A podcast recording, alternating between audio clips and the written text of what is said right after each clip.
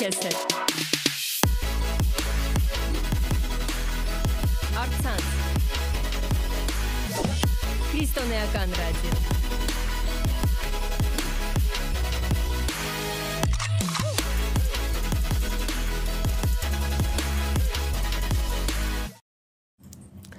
Ողջույն։ Ողջունում ենք բոլոր նրանց, ովքեր միացել են մեր Facebook-յան ուղիղ եթերին։ Դուք դիտում եք Vol Radio-ի ուղիղ եթերը եւ այս անգամ մեր տաղավարում գտնվում է Հովիվ Վահե Սիմոնյանը։ Բարև ձեզ։ Բարև ձեզ։ Շատ ուրախ ենք, որ այսօր մեր տաղավարում եք եւ հյուրընկալել եք մեզ։ Ես էլ շնորհակալ եմ, որ ունեմ հնարավորություն ձեզ մոտ հյուր լինելու, նույնպես ես ողջունում եմ մեր ռադիո դիտողներին, Կխնդրեմ, ինչ եթերը սկսելը 1-2 բառով պատմեք ձեր մասին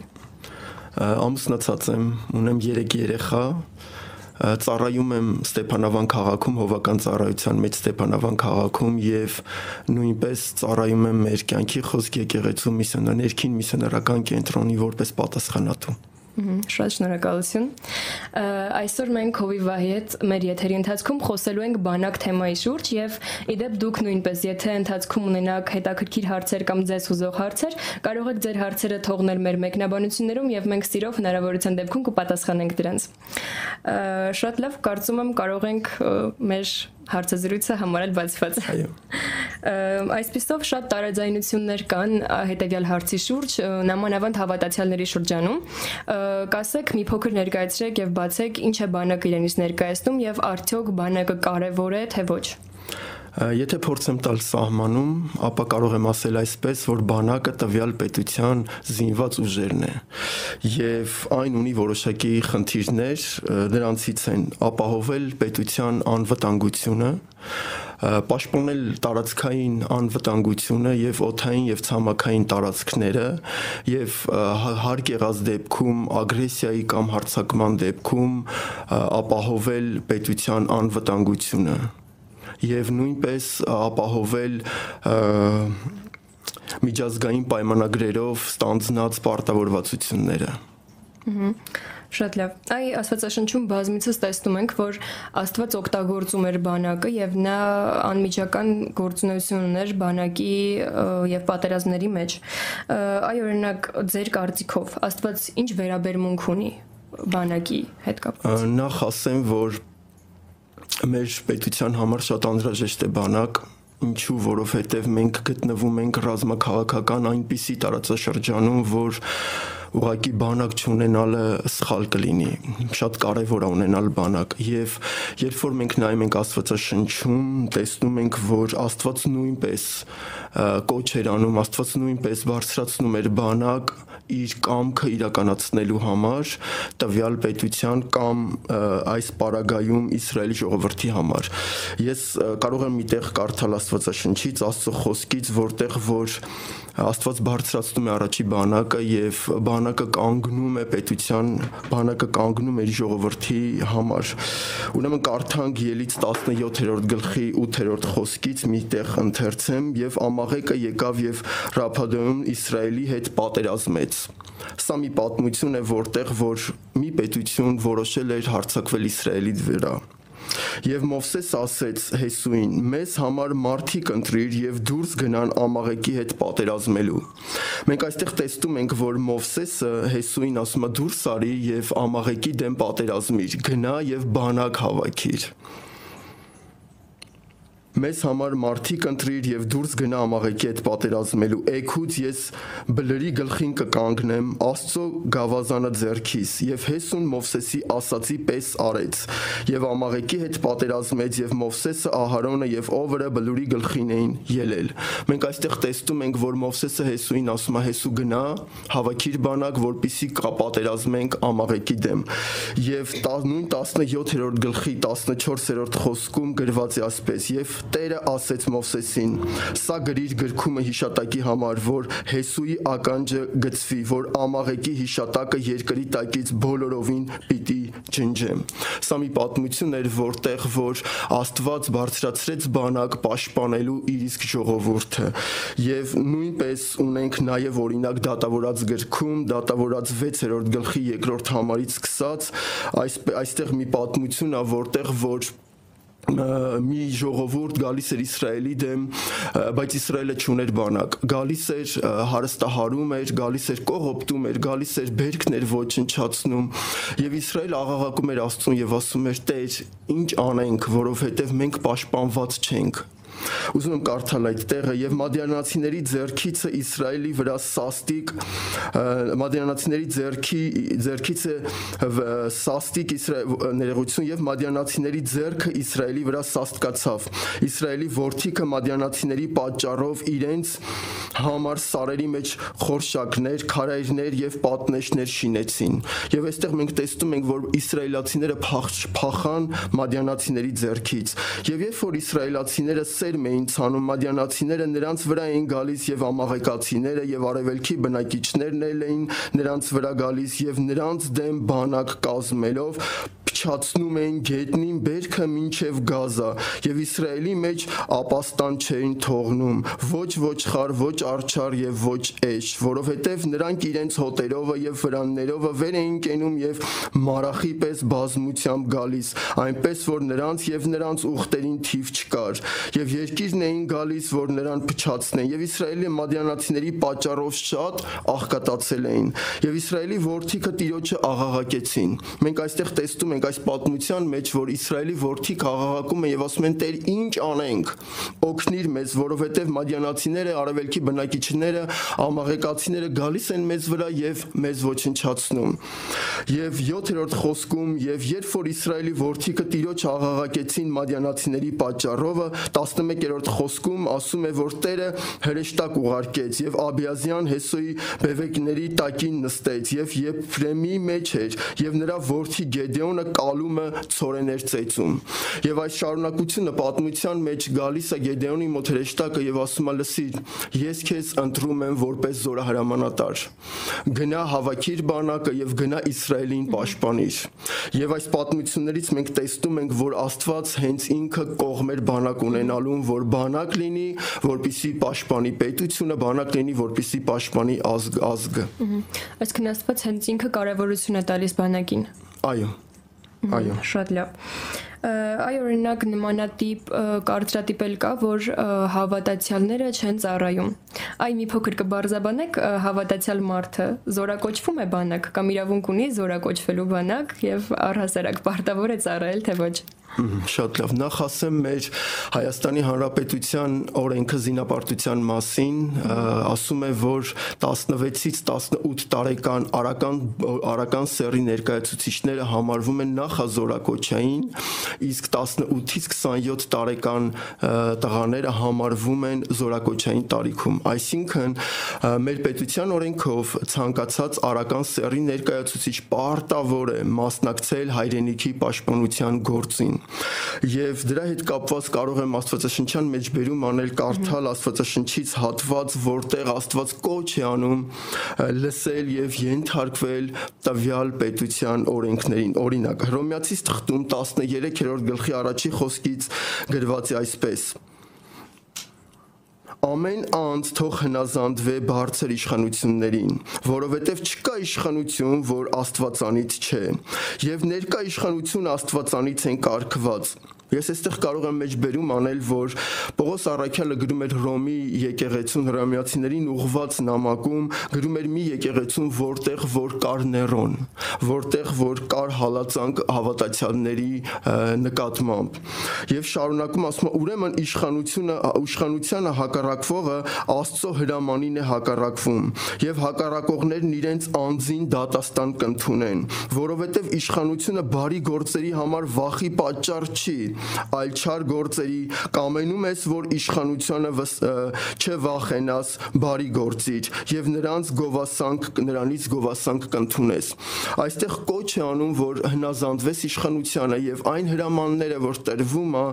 դա ուղակի կատարես եւ լինես դրա մեջ։ Եվ շարունակությունում ասում է, որովհետեւ սпасավոր է նա Աստծո քեզ համար դեպի բարին մենք տեսնում ենք, որ իշխանությունը սпасավոր է Աստծուց մեզ համար դեպի բարին։ Ահա եւ շարունակությունում ասում է ապա եթե չար գործես վախեցիր որովհետեւ զուր տեղը սուրը չի կրում որովհետեւ նա սпасավոր է աստծո. Վրեժ խնդիր լինելու բարգության բարգություն բերելու չար գործողների համար. Վասնզի պետք է հնազանդ դինել ոչ միայն բարգության համար այլ խղճմտանքի համար. Սրա համար հարկել ենք վճարում որովհետեւ նրանք սпасավոր են աստծո որ իսկ այս բաներին հոգ են տանում ուրեմն ամեն վճար ամենին վճարեցեք ամենին վճար վճարեք եթե պարտք է պարտք եթե турք է турք եթե հարկ է հարկ եթե մաքս է մաքս ու մի վախեցեք Շատ լավ Այ օրինակ վստահ եմ, որ բոլորս էլ գիտենք 10 պատվիրաններից մի սպանիր պատվիրանը ու շատ մարդիկ ասում են, որ շատ տղաներ, որ ես զենք չեմ վերցնելու, որովհետև Աստծո պատվիրաններում գրված է, որ մի սպանիր։ Այ օրինակ պատերազմի դաշտում մարդ սպանելը, հակառակորդին սպանելը, դա համարվում է մեղք թե ոչ եթե մենք խոսում ենք պատվիրաններից, մենք պետք է տեսնենք, թե որտեղ եւ ինչ պայմաններում տրվեցին այդ պատվիրանները եւ ում տրվեցին այդ պատվիրանները։ Ասեմ, որ պատվիրանները Մովսեսը ստացավ Սինալերան վրա, Աստծուց ստացավ 10 պատվիրանները եւ սպանություն մի արա պատվիրանը 6-րդ պատվիրանը Աստված տվեց։ Բայց գիտես, ես գիտեք, ես կարող եմ ասել, որ պատվիրանները տրվեցին Իսրայել ժողովրդին եւ այն ուներ նպատակ այն դրա նպատակը գիտեք եթե այսպես նայենք մենք կտեսնենք որ Աստված մի դեպքում ասում է մի սպանիր եւ մյուս կողմում ասում է գնացեք եւ այդ ժողովրդին ոչնչացրեք կամ բանակ բարձրացրեք եւ պատերազմեք Իսրայելի համար կարծես թե առաջին հայացքից հակասություն է լինում բայց կարող եմ ասել որ Աստված իր խոսքում չի հակասում այսինքն չի կարող մի բան ասել եւ հետո ինքը նույն դա հերքել կարող եմ ասել որ այն պատվիրանները որ Իսրայելին տրվեց կամ Մովսեսը ստացավ Աստծոց այդ պատվիրանները, դա հենց Իսրայելի համար էր, այսինքն ներքին կարգոկանոնի, ներքին անվտանգության, ներքին մարդկային փոխհարաբերության համար էր։ Դա տրված էր Իսրայելին։ Եթե այսպիսի բառեր օգտագործեմ, հрья մի սպանիր հрьяին դա կարող եմ այդպես ասել։ Եվ շարունակելով կարող եմ ասել, որ մի սպանիր պատվիրանը դա նույնպես պետության մեջ մենք նույնպես մեր պետության մեջ դա դա այդպես դա քերորեն պատժելի արարքա բայց երբ որ զինվորը բանակում է երբ որ զինծառայողը երբ որ մարդը պատերազմի մեջ է դա արդեն այլ հարց է որովհետև մենք քիչ առաջ տեսանք որ Աստված իր պատվիրանը տալով Մովսեսին եւ դրանից հետո ժողովրդին կոչ անում ասում է հավաքիր ընտրում է զորը հրամանատար եւ ասում է դուրս եկեք պատերազմեք մեկ այլ տեղ ասում է որ հավաքվեք, գնացեք, պատերազմեք եւ ոչ մեկին ողջ չթողեք։ Կարծես թե նայելով Աստծո խոսքին, նայելով այս պատվիրանը, մենք տեսնում ենք, կարող ենք ակնհայտ այն, մենք կարող ենք ասել հստակ, որ պատվիրանը տրվեց ժողովրդի ներքին կարգու կանոն ապահովելու համար եւ այսօր կարող եմ հստակ ասել, որ նրանով կարգավորվում եւ դա գլխավոր սահմանադրական իրավունքը կարող է լինել, որը որ պետություն պետությունները դրանով կարգավորվում են, այսինքն սահմանադրություն, որը որ ներքին կարգու կանոնը ապահովում է պետությունների ներսում։ Շատ լավ։ Այ օրինակ դուք ասացիք, որ պատերազմի դաշտում նորմալ է եւ մեղք չի համարվում, երբ որ դու սպանում ես քո հակառակորդին։ Իսկ օրինակ եթե քաղաքացիական կյանքում թեկուզ սովորական քաղաքացին պաշտպանվելու նպատակով կամ ինչ-ինչ իրավիճակներից ելնելով, պաշտպանվելով սպանում է իր դիմացի մարդուն։ Այս բարագայում սպանությունը համարվում է մեղք կամ ինչպես է Աստված այս ամեն ինչին նայում Մինչ ձեր հարցին պատասխանելը, գիտեք, կուզեմ հավելել նաև, որ նույն կերպ Աստված ասում է մի դատիր, բայց կարող ենք հստակ ասել, որ դա չի վերաբերվում դատական համակարգին։ Մեկ այլ դեպքում մենք կարող ենք ասել, որ երբ որ Աստված ասում է արծաթը արծաթը դվարцով միտուր, մենք կարող ենք հստակ ասել, որ այն չի վերաբերվում ֆինանսական ֆինանսական ծառայություններին, որովհետև նրանք իրենց գործն են անում։ Կարծում եմ, որ այս պատվիրանները, երբ որ Աստված տվեց, տվեց անհատական մարդկանց իրար միջև փոխհարաբերությունները կարգավորելու համար։ Աստվածաշնչում էլ նշվում է, որ Մովսեսը նստած ժողովրդին դատում էր։ Այո, Աստված, այո, այո, ժողովրդին դատում էր, բայց դա չի նշանակում, որ հա խախտում է մի դատիր պատվիրանը, որովհետև այսօր մենք դատական համակարգ ունենք եւ դատական համակարգը վարում է նման դատեր։ Իսկն ինչ որ չափով նաև պետք է կարողանանք ուղղակի ճիշտ վերլուծել Աստծո խոսքը ու ճիշտ հասկանալ։ Այո։ Դեռ սխալ հասկացողությունից շատ սխալ բաներ են գալիս։ Այո։ Շատ լավ, անդրադառնանք հարցին։ Քաղաքացին քաղաքացիական կյանքում պաշտպանվելու նպատակով սպանել է իր դիմացի մարդուն։ Սա ինչպես է դիտարկվում Աստծո կողմից եւ համարվում է արդյոք մեղք թե ոչ։ Գիտեք, պաշտպանվել մենք կարող ենք դիտարկել հետեւյալ կերպ, որ մեր օրենքը եւ նույնպես մեր օրենքը նկատի ունեմ Հայաստանի Հանրապետության օրենքը եւ նույնպես Աստծո խոսքը հորդորում է եւ պաշտպանում է մեզ, երբ որ մենք ինքնապաշտպանությամբ ենք, եթե երբ որ մենք ինքներս մեզ պաշտպանում ենք, որովհետև մեր օրենքը թույլ է տալիս մեզ պաշտպանել, մեր օրենքը թույլ է տալիս ես իմ անձը պաշտպանեմ, թույլ է տալիս ես իմ ընտանիքը պաշտպանեմ, թույլ է տալիս ես իմ պետությունը պաշտպանեմ։ Եվ գիտեք, երբ որ քաղաքացիական կյանքում մարդը մարդ է սպանում, մենք այստեղ պետք է գիտեք դիտարկենք հետեւյալը, որ արդյոք արդյոք դա ուրիշ կերպ հնարավոր չէր կանխել։ Արդյոք դա ինքնապաշտպանություն էր, թե ագրեսիա, թե հարցակ հարցակում էր ինչ որ մեկի վրա մեկ այլ նպատակով սա շատ կարևոր է որpիսի մենք կարողանանք ճիշտ գնահատական տալ եւ կարողանանք ճիշտ դիրքորոշում արտահայտել այս հարցի շուրջ եթե մենք վերցնենք պաշտպանվելու նպատակով այդ միջամտության կամ դե դեպքի ժամանակ մարդ է զոհվել, ապա այս դեպքում մենք պետք է դիտարկենք հետեւյալը արդյոք այլ կերպ հնարավոր չէր կանխել կամ օրինակ եթե ես պաշտպանում եմ ինձ, ես չեմ կարող ինձ վրա բղավողի դեմ դուրս գամ դանակով Սա պետք է հավասարազոր լինի։ Այսինքն ես դիմադրությունս պետք է ցույց տամ հավասարազոր։ Ես չեմ կարող ինձ ապտակողին քարով հարվածել։ Ահա եւ տվյալ դեպքում երբ որ քաղաքացիական կյանքում մարդասպանություն է տեղի ունենում դա քրորեն պատժելի արարք է։ Ահա Շատ լավ, շնորհակալություն պատասխանի համար հիշեցնեմ բոլոր նոր միացածների համար, որ այսօր մեր տաղավարում է գտնվում Հովիվ Վահե Սիմոնյանը եւ մենք խոսում ենք բանակ թեմայի շուրջ։ Իդեպ դուք նույնպես ձեր հարցերը կարող եք ուղղել մեզ այ օրինակ կա նման կարծրատիպ, որ հասարակության որոշ զանգվածի մոտ կա նման կարծրատիպ, որ պատերազմի դաշտում բոլոր զոհված զինվորները միանգամից գնում են երկինք եւ հայտնվում են դրախտում։ Այ օրինակ կպարզաբանեք կամ կարող եք փոքրինչ բացատրել արդյոք դա այդպես է թե ոչ եւ արդյոք աշխարհիկ մարդը եթե պատերազմի դաշտում չճանաչելով Աստծուն եւ մեղավոր կյանքով ապրած մարդը պատերազմի դաշտում զոհվելով արդյոք հայտնվում է երկնքում գիտեք կարող եմ այսպես պատասխանել որ այդ միտքը վերցված է իսլամից ուրեմն իսլամում եթե կռվի ժամանակ պատերազմ ես վարում սուրբ պատերազմ ըստ իրենց սուրբ պատերազմ, որը կոչվում է ջահիդ, երբ որ դու սուրբ սուրբ պատերազմ ես վարում եւ պատերազմի ժամանակ զոհվում ես, դու մուտք ես ունենում ազատ առանց խնդրի առանց քո վարքի առանց ինչ կապ կապ չունի ինչ մարդ ես եղել դու ուղակի շրջանցում ես բոլոր հերթերը եւ մուտք ես գործում երկինք սա իսլամում է դրա համար այդքան շատ ագրեսիաներ կան եւ մուտք ես գործում երկինք որը որ կամ ոչ թե երկինք այլ բեհեշտ որը կոչվում է դրախտ մուտք ես գործում դրախտ բայց սա իսլամի ուս իսլամում է բայց քրիստոնեության հետ դա ոչ մի կապ չունի իսկ աստծո խոսքն ասում է կապ չունի ինչ պայմաններում է մարդը մահացել Մարդը երբ որ մահանում է, ինքը կանգնում է դատաստանի մեջ եւ փրկությունը միայն Քրիստոսով է։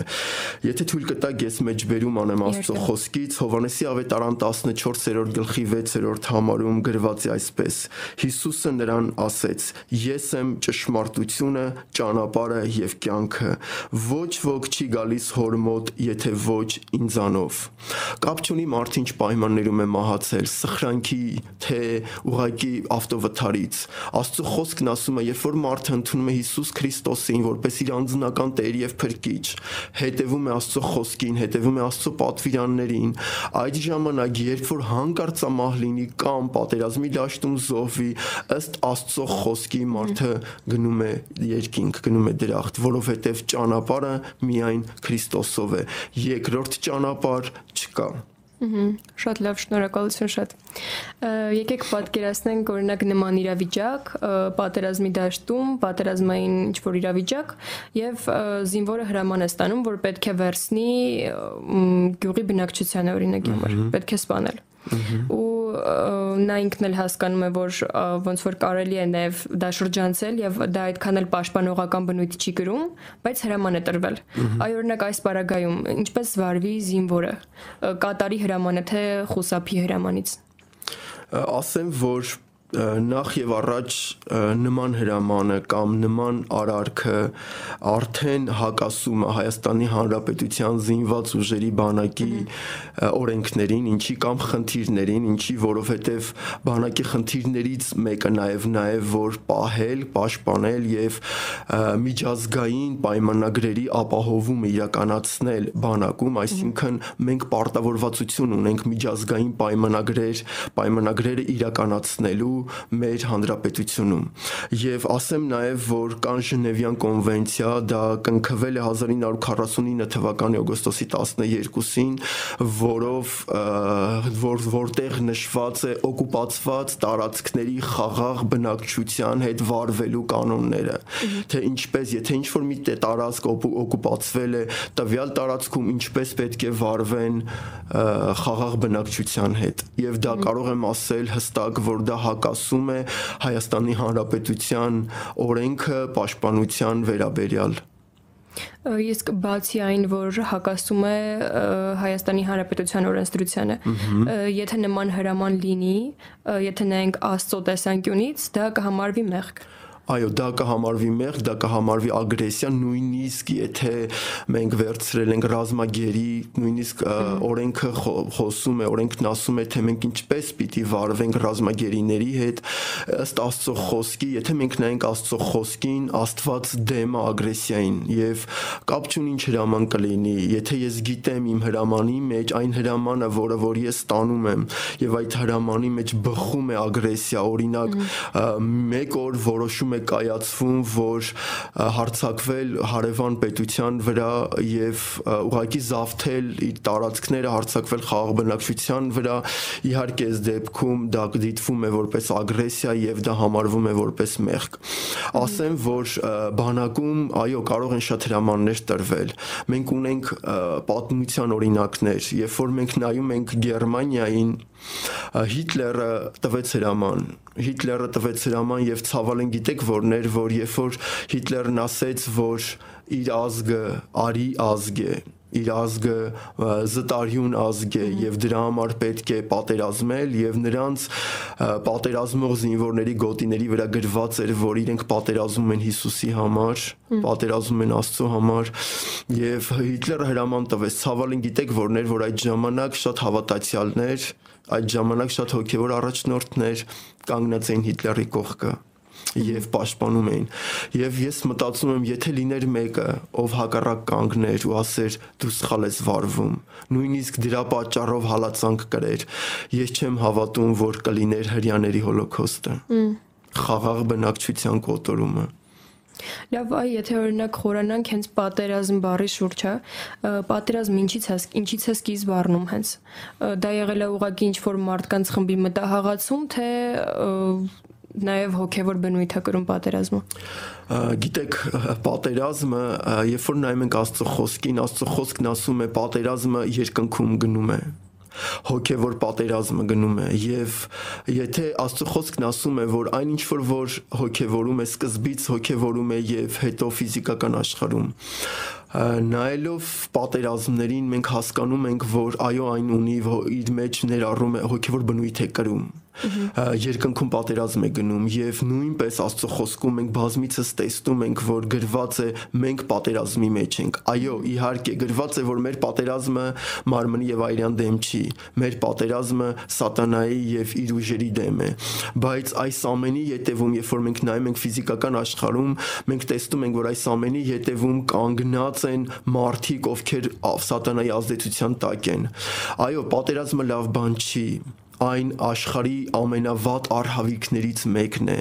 Պատերազմից երբեք շահող կողմ չի եղել, պատերազմում շահող կողմ չի եղել։ Միշտ պատերազմի ընթացքում պատերազմից հետո երկու կողմերն էլ տուժել են։ Եվ գիտես, երբ որ նայում ես Գերմանիային, այո Հիտլերը կանգնեց, ինքը պատերազմեց, դուրս եկավ,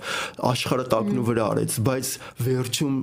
դարձավ դեպի Իրան, այսինքն այստեղ գործեց ցանելու եւ հնձելու օրենքը։ Վերջում Գերմանիան տակնու վրա եղավ ամբողջությամբ։ Շատ լավ, շնորհակալություն շատ պատասխանի համար։ Այ օրինակ, քանի որ խոսքը հենց պատերազմներից գնաց, խաղող պետության դեմ, եթե պատերազմ սկսել, տվյալ իրավիճակը ոնց որ անեծք բերում է պատերազմ սկսող պետության վրա, թե ոչ ինչպես որ ես արդեն նշեցի, կա հունցքի ցանքի եւ հունցքի օրենք։ Դա հոգեվոր օրենք է եւ դա ազդում է ֆիզիկական աշխարհում։ Եվ դրա պատասխանը, դրա օրինակը Գերմանիան էր, որ մենք տեսանք։ Նա դուրս եկավ աշխարհի դեմ, նա դուրս եկավ պետությունների դեմ եւ նա դուրս եկավ խաղաղ բնակչության դեմ կազմակերպեց մեծ զորքեր բարձրացրեց եւ դուրս եկավ ազգերի դեմ եւ հետևանքը մենք տեսնում ենք հենց իր պետությունը տակնու վրա եղավ իհարկե ես կարող եմ ասել խաղաղ պետության դեմ դուրս գալը դա մեղք է խաղաղ պետության դեմ դուրս գալը դա սխալ է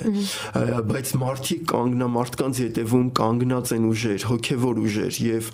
այսօրվա մեր գործը պետք է լինի աղոթելը որտեվ Աստծո խոսքն ասում է եթե Աստված չպաշտպանի սահմանները եթե Աստված պահապանություն չանի զուր են պահապանները որ կանգնում են սահմանին զուր ամեն բան եւ մենք որպես քրիստոնյաներ մենք որպես հավատացյալներ մեր պարտքն է աղոթքի մեջ աղոթենք մեր սահմանների համար, աղոթենք երկրի համար, աղոթենք պաշտպանության համար, աղոթենք, որ խաղաղություն լինի։ Աստծո խոսքը նույնպես մեջբերում անում է եւ ասում աղոթեք, որ խաղաղ եւ հանդարտ կյանք ունենաք։ Շատ լավ։ Շնորհակալություն շատ այ օրինակ եթե վերցնենք նմանատիպ իրավիճակ, որ պատերազմի դաշտում ինչ որ այսպես իրավիճակ է ստեղծվել, որ զինվորը կամ պետք է գերի ինքնի հակառակորդին, կամ պետք է ինքնասպանություն գործի սենց ծայրահեղ ինչ որ իրավիճակ։ Ինչ անի զինվորը այդ բարագայում ու արդյոք տվյալ բարագայում ինքնասպանությունը նրա համար կհամարվի մեղք։ Գիտեք ալիս պատասխանեմ այնքանով ինչքանով որ կկարողանամ ձեր հարցին։ Զինվորը պատերազմի դաշտում հավատացյալի մասին եք խոսում։ Հավատացյալ զինվորը պատերազմի դաշտում ապավինում է Աստծուն Ես կարծում եմ, երբ որ զինվորը փորձում է ինքնասպանություն գործել, այդ դեպքում ապավինությունը վերցնում է, այսինքն ել չի ապավինում Աստծուն։ Այո, ես շատ լավ հասկանում եմ, երբ որ զինվորը զինվորին գերեվարեն, զինվորը գերության մեջ հայտնվի, այո, հնարավոր է խոշտանգում, հնարավոր է տանջանք, հնարավոր է, որը որ իհարկե արգելվում է։ Դա հնարավոր է, բայց միևնույնն է, սա իմ անձնական սուբյեկտիվ կարծիքն է։ Ամեն դեպքում կարծում եմ սխալ է, երբ որ զինվորը հանձնվում է, հանձնվում է, այսինքն փորձում է ինքնասպանություն ենթարկ, ինքնասպանության ենթարկվել։ Գիտեք, շատ ֆիլմեր կան, շատ ֆիլմեր ենք մենք տեսնում իրական պատմություններ, երբ որ հավատացյալը պատերազմի դաշտում գերեվարվում է եւ կան պատմություններ, որ իրենց հետ լավ են վարվում պետքա զինվորը իր հույսը չկորցնի, հավատալով, որ Աստված իր հետ է, հավատալով, որ նույնիսկ այդ դժվար ժամանակ Աստված կարող է ելքը ցույց տալ ինքնասպանություն ինքնասպանություն գործելը դա ամենաարագ, ամենահեշտ որոշումն է։ Իհարկե դժվար, բայց հեշտ ինչ առումով, որ ինքը գիտակցում է, որ միգուցե իր արարքով ինքը կհայտնվի երկնքում, բայց ես կարող եմ ասել, որ կարիք չկա վտանգելու երկինք հայտնվելու երկինք հայտնվելը վտանգի տակ դնել Ես չեմ կարող 100% պատասխանել ձեր հարցին, բայց կարող եմ իմ կարծիք ասել, որ կարծում եմ, որ լավ կլինի չլինի այդպես։ Ինքնասպանության չփորձ, ինքնասպանության փորձ չկատարի, որովհետև գերեվարության մեջ հնարավոր Աստված իր հետ լինի Աստվածաշնչում բազում պատմություններ կան, որ երբ որ գերի են ընկել, գերեվարվել են, այդ ժամանակ Աստված նրանց հետ է եղել եւ օգնել է։ Լավ, եթե նայենք օրինակ տվյալ զինվորը չի եղել հավատացյալ, այլ եղել է սովորական աշխարհիկ զինվոր ու նմանատիպ իրավիճակում թեկուս խառնվելուց ելնելով չիմանալով ինչ անել այդ բարագայում ինչ անի գիտեք միշտ երբ որ դժվար ժամանակ ա լինում ես ինքը զինվոր եղել եմ ծառայել եմ երբ որ դժվար ժամանակ ա լինում անգամ աթեիստի մտքով աստված անցնում այո աստված անցնում է միշտ կանչում են աստծուն աղաղակում են աստծուն ես շատ պատմություններ եմ լսել նույնիսկ մեր արցախի պատերազմի ժամանակ կամ մեր քարորիայի ժամանակ երբ որ զինվորը ուղակի աշխարհիկ տղա ասում այս այդ ժամանակ ուղակի ծնկի եք ասեցի խնդրում եմ նույնիսկ պատմություն գիտեմ որ զինվորը շրջափակման մեջ է հայտնվել եւ ծնկե եկել ու աղոթել ու ասել է Տեր խնդրում եմ եթե դու կաս Հիսուս, եթե դու կաս ինձ օգնիր, եթե դու կաս ինձ հանիր այս իրավիճակից։ Եվ ասում եմ, ես չեմ հասկաց, չհասկացա ոնց թե Աստված ինչպես փակեց հակառակորդի աչքերը, որ չնկատեն, ասում եմ, ես այդ շրջապակումից դուրս եկա ու հայտնվեցի ազատության մեջ։ Եվ նման շատ պատմություններ կա։ Մենք չենք կարող ասել, ինչ տեղի կունենա, ինչ տեղի կունենա գերեվարման ժամանակ, բայց կարող եմ հստակ ասել, որ երբ որ մարդը նույնիսկ դժվարության մեջ կանչում է Աստծուն, Աստծո ականջը բոլոր խնդրողներին լսում է։ Աստված լսում է բոլոր իրեն անկեղծ կանչողներին եւ պատասխանում է եւ օգնության է հասում, հասնում։ Դավիթ թագավորը մի դրվագ կա, երբ որ Դավիթ թագավորի կյանքի հետևից էին ընկել, Սավուղ ընկել էր Դավիթ թագավորի հետևից եւ Դավիթը փախուստի մեջ էր եւ Դավիթն ասում էր Տեր օգնիր ինձ եւ ասում է Տերը ինձ օգնեց, Տերը ինձ հանեց ու լայն արցակ տեղ արեց փրկեց, Տերին մանձը փրկեց թշնամու ձեռքից։ Այնպես որ կարող եմ ասել Տերը բոլոր կանչողներին լսում ու պատասխանում է։ Շատ շնորհակալություն։ Շատ հետաքրքիր պատասխան էր։ Եթե նայենք օրինակ Հայաստանի Հանրապետության ուժային կառույցներին, վերցնենք ոստիկաններին թեկուս, այ օրինակ Աստված ինչպես կարող է գործել նրանց կյանքում, նրանց միջոցով, հենց իրենց իսկ աշխատանքի մեջ կարող եմ ասել շատ հետաքրքիր։ Ես նախքին պայստազորի, ես պայստազորի սպա եմ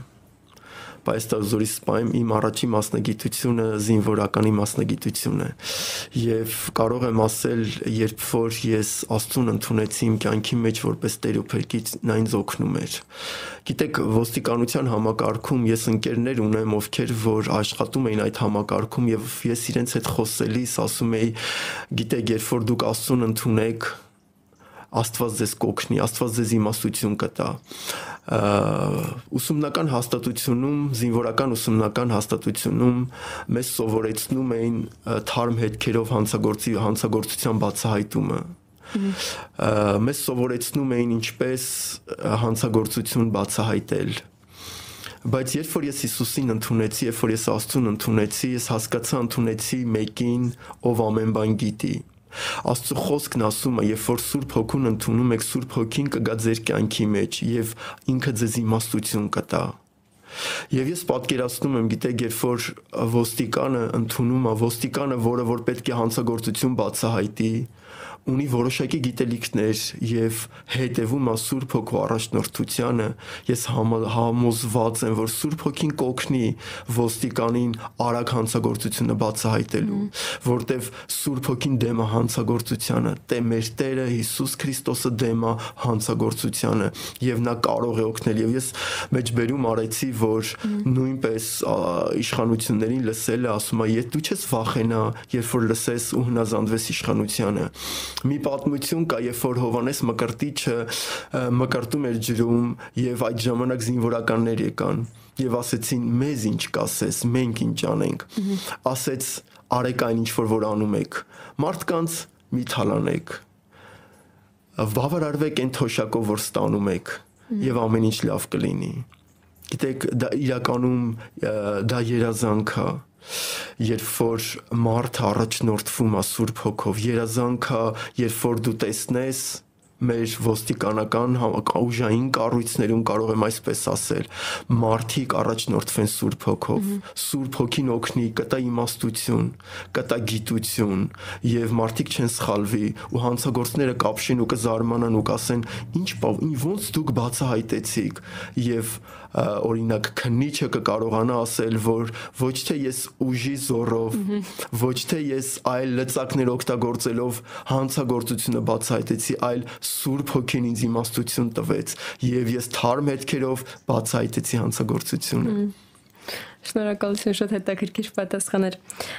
Մեզ դիտողներից հարց են ուղել Ելից 12-րդ գլխի 41 եւ 51-րդ խոսքերում նշվում է Իսրայելի մասին ասվում է, որ նա տիրոջ բանակն է։ Այ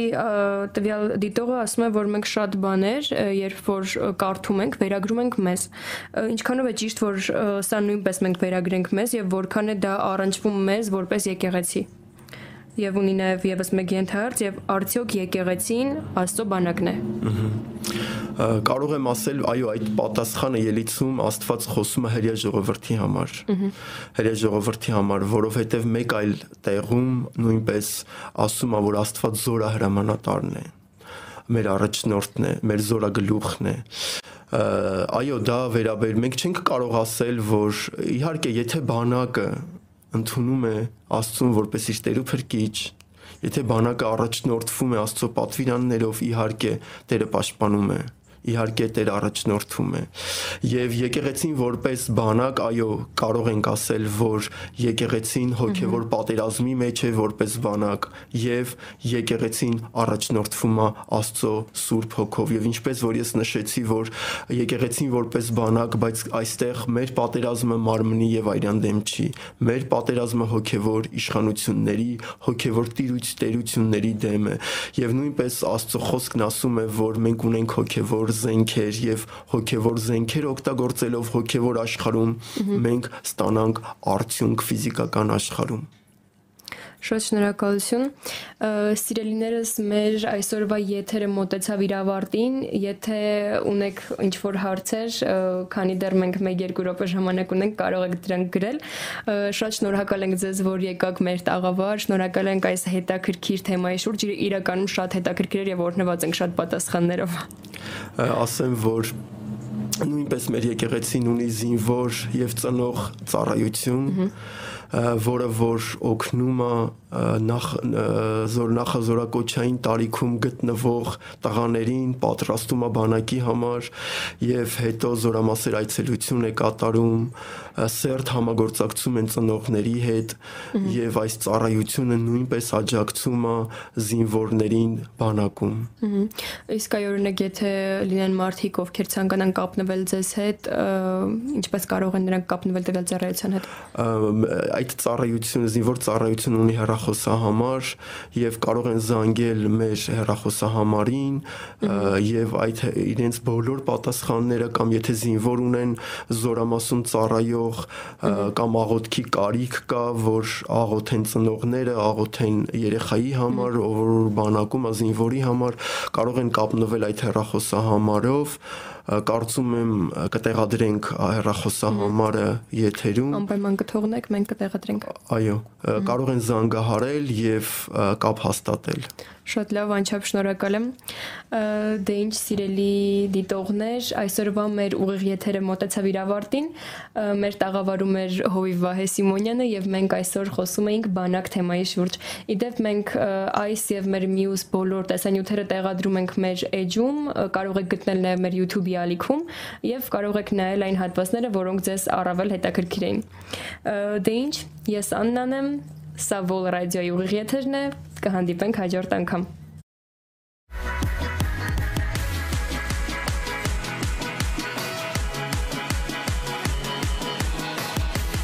Արագ։ Միշտ քեզ հետ։